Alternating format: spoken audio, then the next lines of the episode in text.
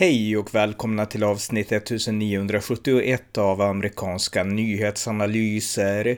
En konservativ podcast med mig, Ronny Berggren, som kan stödjas på swishnummer 070-30 28 95 0. Israels krig mot terroriströrelsen Hamas har nu pågått i mer än tio dagar. Här förklarar jag vad svenskar behöver förstå om det krig som nu utkämpas. Varmt välkomna! Ja, det har nu gått några dagar sedan mitt senaste poddavsnitt, kanske till och med ovanligt många dagar. Men anledningen till det, det beror på att jag de senaste dygnen, nästan dag och natt, har ägnat tiden åt att försöka hänga med i det man förr brukade kalla för Israel-Palestina-konflikten, men som nu bättre skulle kunna beskrivas som Israels krig mot terroriströrelsen Hamas. Och eh, jag tänkte inte här teckna en hel kronologi, ni har säkert sett på nyheterna själva om vad som har hänt, terroristattacken den 7 oktober mot Israel, Israels gensvar och så vidare. Så så att eh, kronologin, den kan ni hitta på egen hand. Men det jag här tänkte göra, det är att göra ett eh, eller några nedstamp i olika händelser och hur jag anser att man bör betrakta de händelserna som konservativ och ur ett mer pro-israeliskt perspektiv. Ett perspektiv som inte i tillräcklig mån framkommer i svensk media. Därför att min eh, kritik mot bevakningen från Sveriges håll av den här konflikten, det är att Sverige betraktar Israel-Palestina-konflikten primärt ur ett klassperspektiv. Alltså att Eh, anledningarna till eh, bråken, till krigen, till konflikterna beror på att eh, palestinierna inte har fått tillbaka all sitt land. Mest en teoretisk sanning om man säger så, en stor sanning med modifikation eftersom Gaza har styrts av palestinierna själva sedan 2005. Men Eh, det är ett av de perspektiven som används samt att palestinierna är fattigare och att det är liksom den här eh, David mot Goliat-kampen. Det är så den här konflikten framställs i Sverige.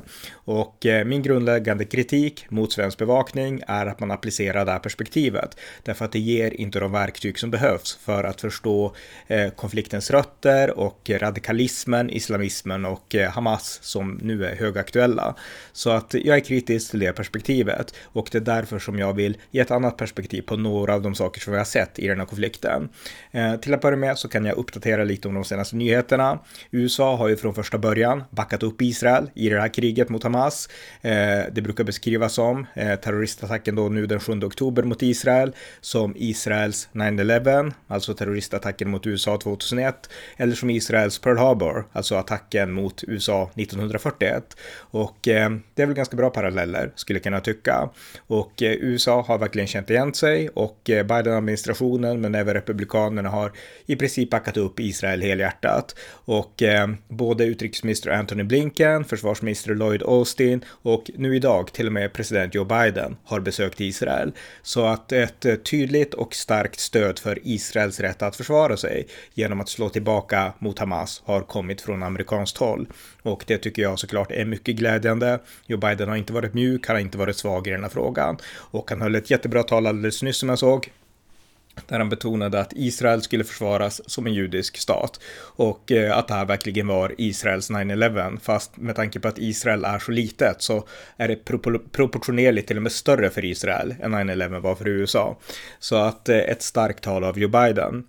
Men några saker de här dagarna då. Alltså Israel har ju fått mycket sympati i början där från de flesta håll i västvärlden, även från vänstern. Och eh, man fördömde överlag åtminstone Hamas illdåd. Det finns palestinska grupper i Sverige och i västvärlden, stora muslimska grupper med utländsk bakgrund som inte har fördömt Hamas. Eh, inga av Sveriges muslimska organisationer har gjort det och eh, där finns det ett tydligt stöd då för den palestinska saken eller för Hamas och terrorism och eh, man verkar inte bry sig om Israel och judar speciellt mycket alls. Så att det finns en distinktion i västvärlden, men den skillnaden går, den skiljelinjen, den går mellan vanliga europeiska och amerikanska västerlänningar och de med muslimsk och palestinsk bakgrund. Så att den skillnaden förstår ni redan, för det har rapporterats om det i media. Ni har sett bilderna säkert på tv-nyheter och liknande om de som demonstrerar med väldigt hetska ramser och utfall mot Israel på svenska gator och torg. Så att eh, det är ganska välbekant. Men överlag så var det ett tydligt stöd, en uppbackning eh, av Israel direkt efter det här terrorattentatet. Men i takt med att Israel slog tillbaka under de senaste dagarna med bombningar av norra Gaza, med en eh, evakueringsorder eh, ska man inte säga, men ett evakueringspåbud, en varning till civilbefolkningen i Gaza att ni måste ta er söderut för att vi kommer att dels bomba och dels inleda en markinvasion. Eh, I takt takt med det så har omvärldens kritik sakta men säkert börjat öka och riktas mot Israel. Inte från amerikanskt håll än ska sägas, men från somliga svenska håll. Magdalena Andersson och många andra har varit ute och sagt att eh, det här är inte bra det som sker och det är förmodligen Israels fel. Och då tänker jag på det här eh, sjukhuset som sprängdes i förrgår blev det nu va, som visade sig vara Eh, Islamiska Jihad, en annan terroristgrupp jämte Hamas där på Gaza, som eh, sköt en, en raket fel helt enkelt så att den kraschade i sjukhuset. Det är någonting som brukar hända när Islamiska Jihad och Hamas skjuter raketer, så det är inget nytt där. Men Israel fick skulden på en gång, trots att det inte finns egentligen någon logik för Israel att slå till mot civila byggnader. Därför att Israel vet att de behöver USAs uppbackning och har man det så, eh, eller vill man ha det så får man inte anfalla civila. Och därtill så har Israel heller inget intresse av att anfalla civila. Det är Hamas som är en terroriströrelse, inte Israel. Men likväl, Israel bombar, civila dör, det är ju ett faktum. Och eh, orsaken till att det är så, och det är det som jag tycker eh, har lyfts fram för lite här i Sverige till exempel då, det beror ju på att Hamas inte är en konventionell militär med uniformer och med synliga liksom trupper som man kan kriga mot i öppna fält, utan Hamas är en inlämnad del av civilbefolkningen i värsta fall. I bästa fall så gömmer de sig bara eh, bakom en civilbefolkning som känner sig tvingad att härbärgera dem, men hur som helst så är de inbäddade i civilbefolkningen. De de har inga tydliga militära byggnader. Du kan inte se att det här är Hamas huvudkontor. Det står inte det på en skylt, utan de har sina hemliga tunnlar, de har olika byggnader och de tar beteckning bakom civila. Och det här är ju definitionen av en terroriströrelse. Vanliga arméer i en västerländsk kontext med västerländska värderingar. Eh, vanliga arméer finns för att skydda civilbefolkningen. I Hamas fall så användes, används civilbefolkningen för att skydda och gömma Hamas. Så att eh, det finns helt olika värderingar när man liksom betraktar vad krig är, vad en armé är och hur man ska betrakta offer. Eh, helt olika värderingar, helt olika synsätt på den israeliska respektive palestinska sidan är. Och eh, den saken framkommer inte tydligt nog i Sverige. För om det är så, som det faktiskt är på den palestinska sidan, att Hamas är inbäddade, det innebär alltså att det inte går att kriga mot den sidan om det inte blir civila offer. Därför att det är så inbäddat att det är nästan omöjligt att göra distinktioner.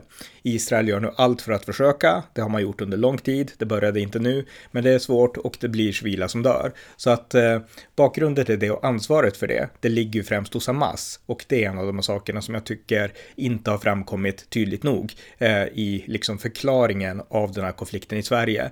Skillnaden mellan Hamas och Israel är att Hamas vill döda, mörda civila. Det är ett av deras syften. Vi såg det den 7 oktober. Israel, i deras krig så dör tyvärr och beklagligt nog och tragiskt nog palestinska civila. Men det är inte Israels intention. Hade Hamas bara haft på sig militärkläder, uniformer och krigat öppet så hade inte det behövts. Men det är för att Hamas krigar som de gör som det tyvärr också eh, ja, stryker med civila. Och det var ju likadant i USAs krig mot terrorismen i både Irak och Afghanistan, att civila dog. Och det var inte för att USA ville det, utan för att det blev en ja, det blev en konsekvens av fiendens, i USAs fall al-Qaidas sätt och talibanernas sätt att kriga. Så att, och även Islamiska staten.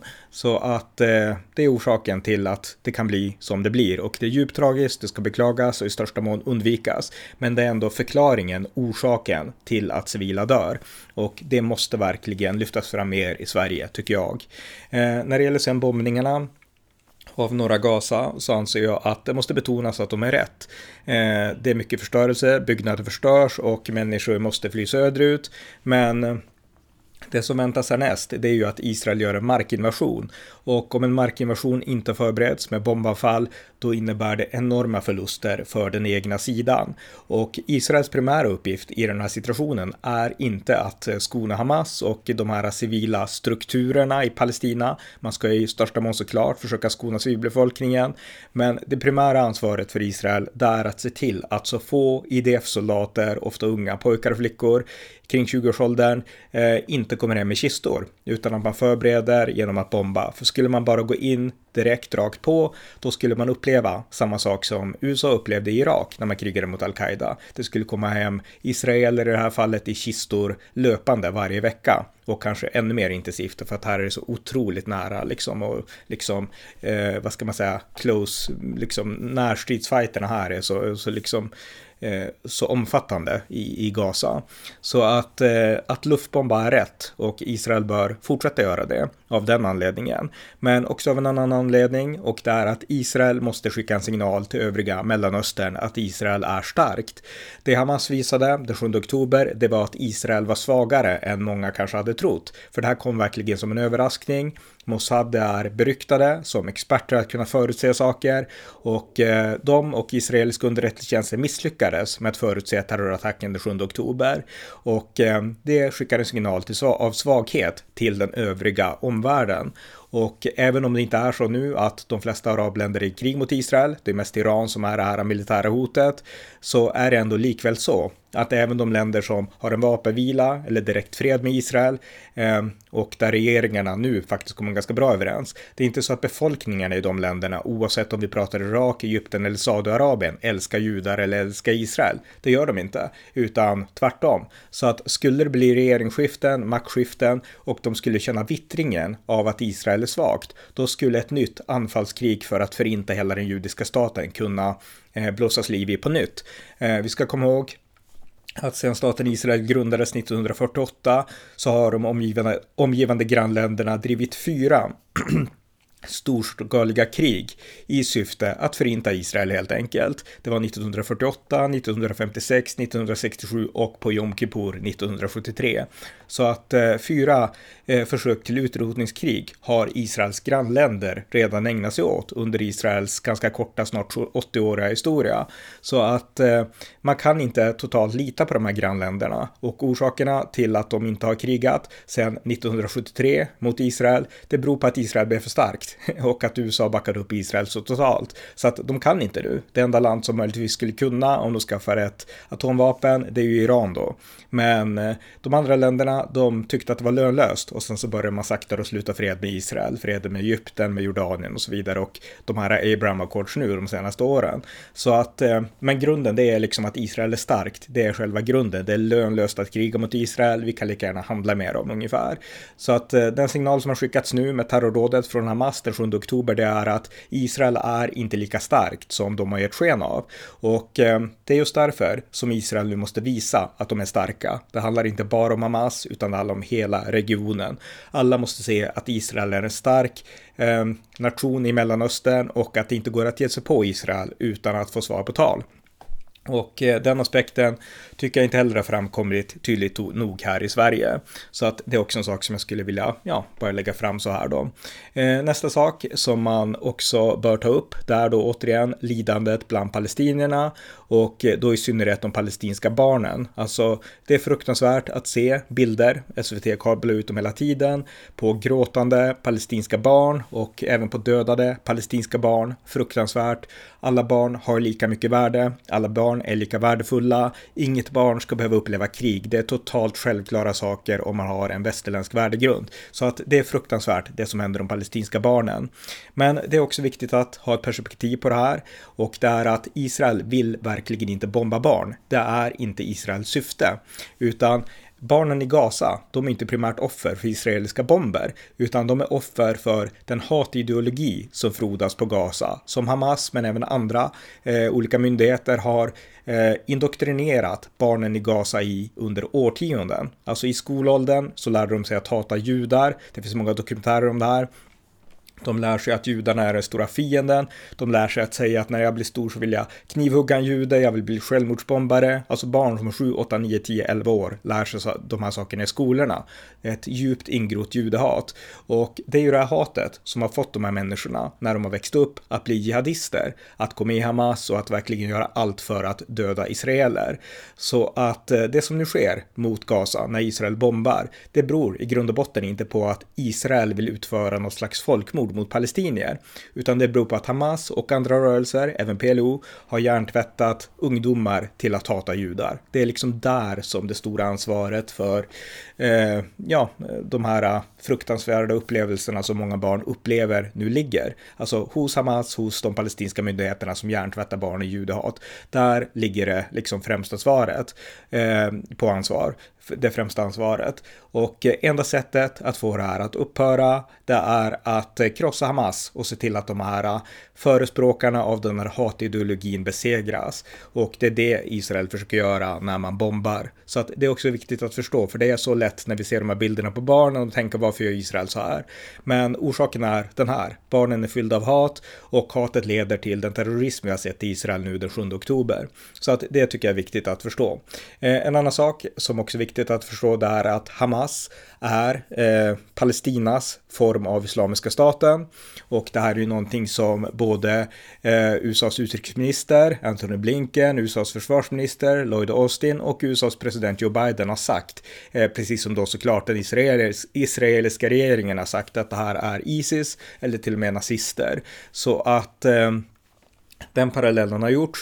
Eh, men det är viktigt att förstå att den har inte bara gjorts för att på något sätt eh, visa hur grymma Hamas är, utan det finns fog. Det finns många likheter mellan Hamas och Islamiska staten, alltså den terrorrörelse som härjade mellan typ 2013 och 2019, primärt i Irak och Syrien, som halshögg eh, otaliga människor, som dödade barn, som eh, tillfångatog jesidiska flickor som sexslavar, som mördade kristna och eh, ja, det var fruktansvärda saker, brände människor levande.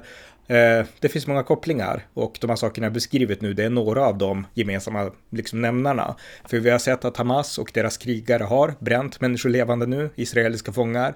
De har mördat människor, de har avrättat människor, de har torterat människor, de har våldtagit människor. Så att där har vi en likhet mellan Islamiska staten, som hänvisade till islam, och Hamas, som hänvisar till samma former av islamiska idéer och som gör samma saker. Så att en likhet här. En skillnad är såklart att Islamiska staten hade mer fokus på att bygga ett kalifat i Mellanöstern, mer fokus på moderata muslimska regeringar, Irak och Syrien och eh, de eh, folkgrupper som fanns där, medan Hamas har liksom laserfokus just på Israel och judarna.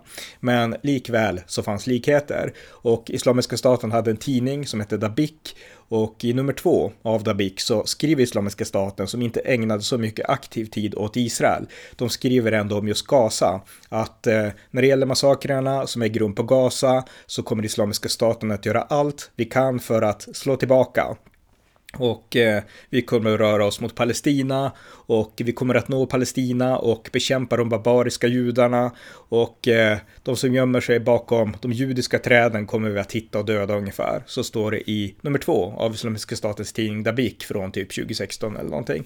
Så att eh, de hade Israel i sikte även om de inte tog sig dit. Um, så att där har vi också en likhet mellan Hamas och Islamiska staten, alltså det här fokuset på judar och på Israel.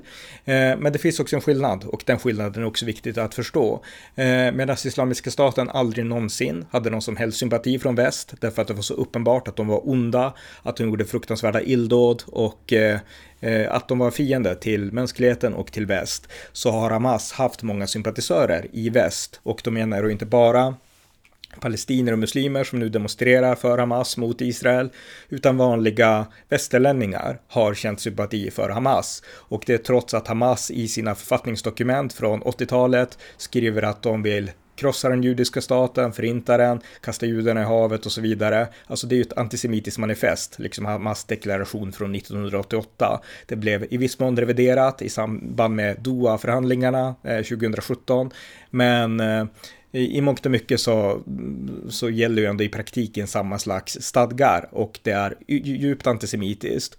Men trots det så har många journalister och västerländska politiker blivit förförda av Hamas därför att de har fått komma till Gaza, de har fått hälsa på i skolor och de har sett en polerad eh, yta på ett sätt som Islamiska staten aldrig var kapabla att ge. Alltså man kunde ju inte, reste man som journalist till Islamiska staten blev man halshuggen.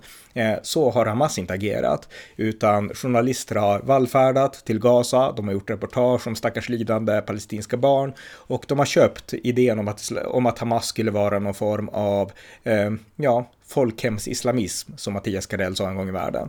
Eh, alltså en slags eh, religiös rörelse som bara vill förbättra livet för vanliga Gazabor och eh, som lever under ett förtryck från Israel. Och i viss mån har även Israel köpt den här bilden, därför att Eh, Eh, att Hamas i grund och botten är militant, det vet alla. Men att man också under de senaste åren har tonat ner det militanta, det har också varit ett faktum. Och det har fått många, och i viss mån även Israel, kanske tro att nu kan vi fokusera på annat.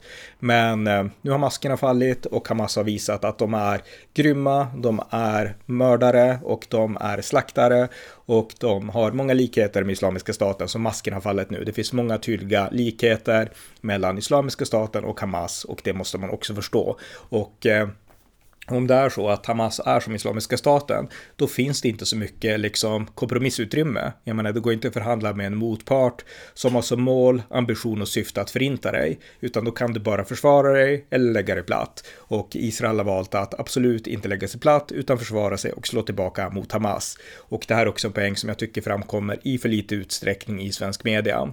Eh, en annan sak som också måste, ja, flikas in åtminstone, det är att det finns ett hot mot Israel också från ett annat håll och det är från den shia-islamiska milisen Hezbollah i Libanon som är en armé Hamas är ju bara en grillaorganisation, en terroriströrelse, eh, medan Hezbollah är en armé som är beväpnade direkt från Iran och eh, kanske också från Ryssland. Jag vet inte exakt hur Hezbollah är uppbyggt, men det är ett stort och reellt hot mot Israel och eh, det sägs att en anledning till att Israel ännu inte har inlett sin markinvasion mot Gaza beror på att man vill veta vad Hezbollah har i görningen så att man inte måste utkämpa ett tvåfrontskrig. Och där skulle jag säga att där har USA ett stort ansvar. Jag hoppas att USA går in, skickar ett tydligt budskap till Hezbollah där man säger att om Hezbollah, om ni attackerar Israel så kommer vi, alltså USA, attackera, att attackera er.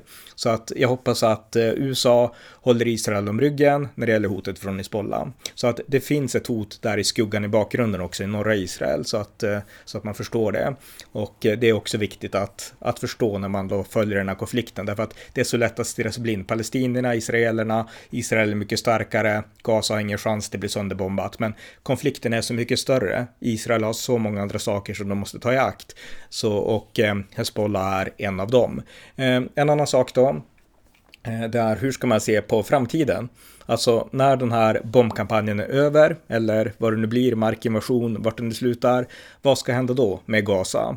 Faktum är att Gaza eh, tillhörde palestinierna, eh, eller rättare sagt tillhörde israelerna, men israelerna gav tillbaks Gaza till palestinierna 2005 utifrån vänsterns klassiska tes, land mot fred. Om Israel bara ger tillbaks land, alltså mark som man erövrade när man blev anfallen i sexdagarskriget 1967, om man bara ger tillbaks det, då blir det fred, därför att palestiniernas enda mål är att få mark, få tillbaka sitt land. Och det fick de 2005 och eh, Israel evakuerade ju med våld sina egna bosättare från Gaza för att ge det till palestinierna.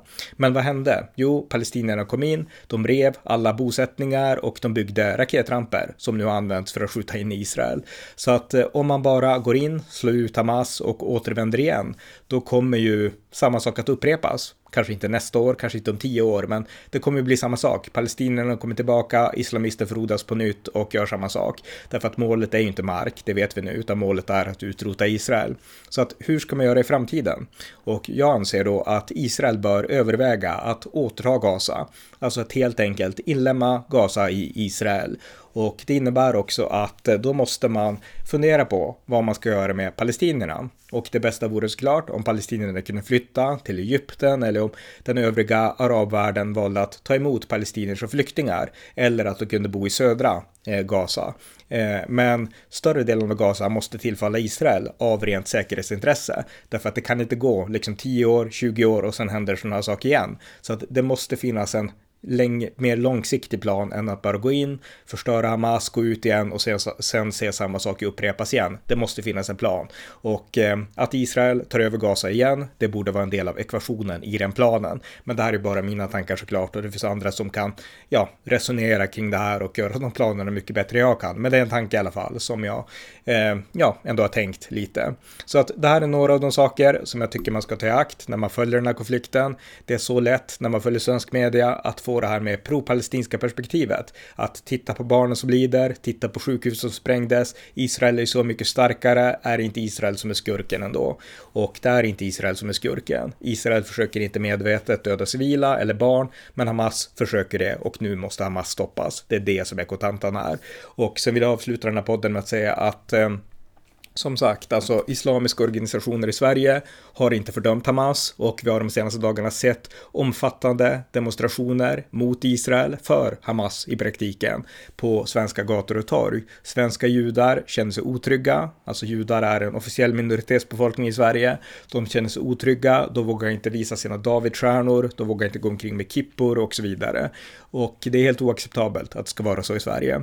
Men det här är en konsekvens av den muslimska massinvandringen som Sverige och västra Europa haft de senaste årtiondena. Nu får vi skörda konsekvensen av det, nämligen att Europa blir mer antiisraeliskt, mer antijudiskt och eh, de första, inte de enda, men de första att betala priset för det, det är eh, svenska och västerländska judar. Och det är mycket illa att det är så det ligger till.